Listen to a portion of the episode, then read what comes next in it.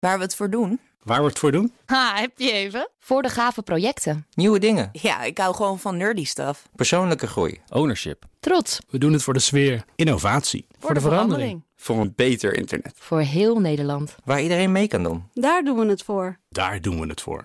Waar doe jij het voor? Kom werken voor KPN en groei op jouw manier. Check de actuele vacatures op het gebied van data, security, development en networking op jobs.kpn.com/tech. Wetenschap vandaag. Ja, je hoorde er al even. Even bij. Carlijn Meiners is eh, binnengekomen, onze wetenschapsredacteur. Carlijn, goedemiddag. Hi. Uh, wij gaan het hebben over um, een uh, verstoring van een signaal. Dat uh, uit een ander sterrenstelsel, dat mogelijk is veroorzaakt door een planeet. Astronomen die denken dat. En het zou de eerste keer zijn dat buiten ons eigen sterrenstelsel een planeet is ontdekt. Ja. Zeg ik dat goed? Het klinkt wel als een hele spannende misschien. Ja, zo zou ik het ook wel omschrijven. Ja, een hele spannende misschien uit een sterrenstelsel ver, ver van hier. Een planeet spotten in een ander sterrenstelsel is heel erg moeilijk. Want met zichtbaar licht kun je ze niet zien. Uh, je kunt niet even inzoomen en een plaatje maken. Maar hoe kun je zo'n planeet dan wel vinden? Norbert Schartel, projectleider van de XMM Newton-missie bij ESA... dat is een van de instrumenten die deze fonds mogelijk heeft gemaakt... vertelt dat er twee andere mogelijkheden zijn. Most image we can only see indirectly. So this is one method is to see very small oscillations in the stars. And from this you conclude that there is something going around the star which moves a little bit the star. And the other thing is transits. And transits means the planet comes between us and the star. The light of the star is dimmed to some amount and this makes a small fluctuation. Ze kunnen dus een trilling waarnemen, veroorzaakt door een object, wat dan mogelijk een planeet is, of een dip in het licht. Alleen kijk je naar een ander sterrenstelsel, dan is zichtbaar licht dus problematisch. Want te ver? Het is zo'n klein stukje van de hemel waar je dan naar kijkt. Dan zie je met een optische telescoop misschien een vage wolkje een beetje, maar nooit of dat sterren zijn of planeten. Dat haal je er nooit uit. Wat je ook kunt doen is kijken naar röntgenstralen. Iets als een neutronenster of een zwart gat. Uh, zeker als het materie van een nabije donorster aan het opslokken is, zendt heel veel van die röntgenstralen uit. Uh, ook in die meting zou je zo'n dipje kunnen zien als er iets voorlangs beweegt. Het voordeel van zo'n soort bron is, is dat het heel compact is. Dus beweegt daar iets substantieels voor langs.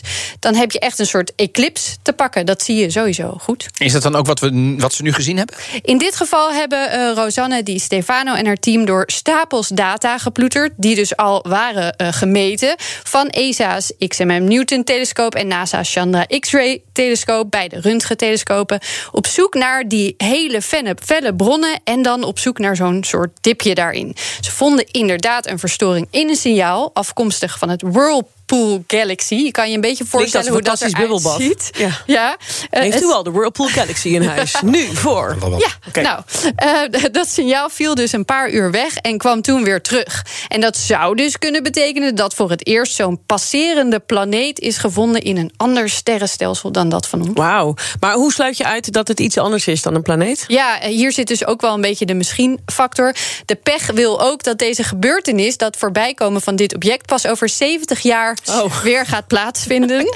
Dus er kan oh, niet wetenschap even, is geduld. Ja, er kan niet even een tweede meting gedaan worden of zo. Maar eh, ik zeg het er meteen achteraan. Ze hebben natuurlijk wel geprobeerd om al die andere oorzaken zoveel mogelijk uit te sluiten. Zoals? Uh, kan het een uh, wolk gas zijn, bijvoorbeeld? Uh, niet voor de hand liggend, dan zou het dipje er anders uitzien. En ze konden nog meer uitsluiten. This eclipse was analyzed and we can estimate the size of the object and the speed it goes around. And the size basically would point to an object in the size of Saturn. Now, there would be a possibility that the compact object, for example, a white dwarf, but a white dwarf would then make gravitational lensing. Basically, he would direct more light, more extra light into the camera. And this is not happening. Therefore, a compact object we can also exclude. Dus gaswolk, nee. Witte dwerg, een ster aan het einde van haar levenscyclus, nee. Is het iets wat de bron zelf doet? Nee, want dan zouden ze ook een dip moeten zien in andere variabelen die van die bron afkomen. Een planeet is de meest voor de hand liggende optie. Eentje ter grootte van Saturnus. Ongeveer negen keer groter dan de aarde, duizend keer verder weg dan de exoplaneten in de Melkweg. Uh, en ook computersimulaties laten zien dat het waarschijnlijk duidt op een planeet. Goed, maar nog even 70 jaar wachten nu? ja, nou, nu weten we in ieder geval dat deze tactiek een hele interessante is. En kunnen ze dus terug die stapel data in op zoek naar nog meer van dit soort dipjes. En we weten dat met dit soort telescopen kijken naar deze plekken dus kan werken. Dus we gaan door in deze lijn. Meer planeten. Carlijn, dank je. Ook Thomas van Zeil vind je in de BNR-app. Je kunt live naar mij luisteren in Zaken doen. De BNR-app met breaking news, het laatste zakelijke nieuws... en je vindt er alle BNR-podcasts, bijvoorbeeld Het Nieuwe Geld. Download nu de gratis BNR-app en blijf scherp.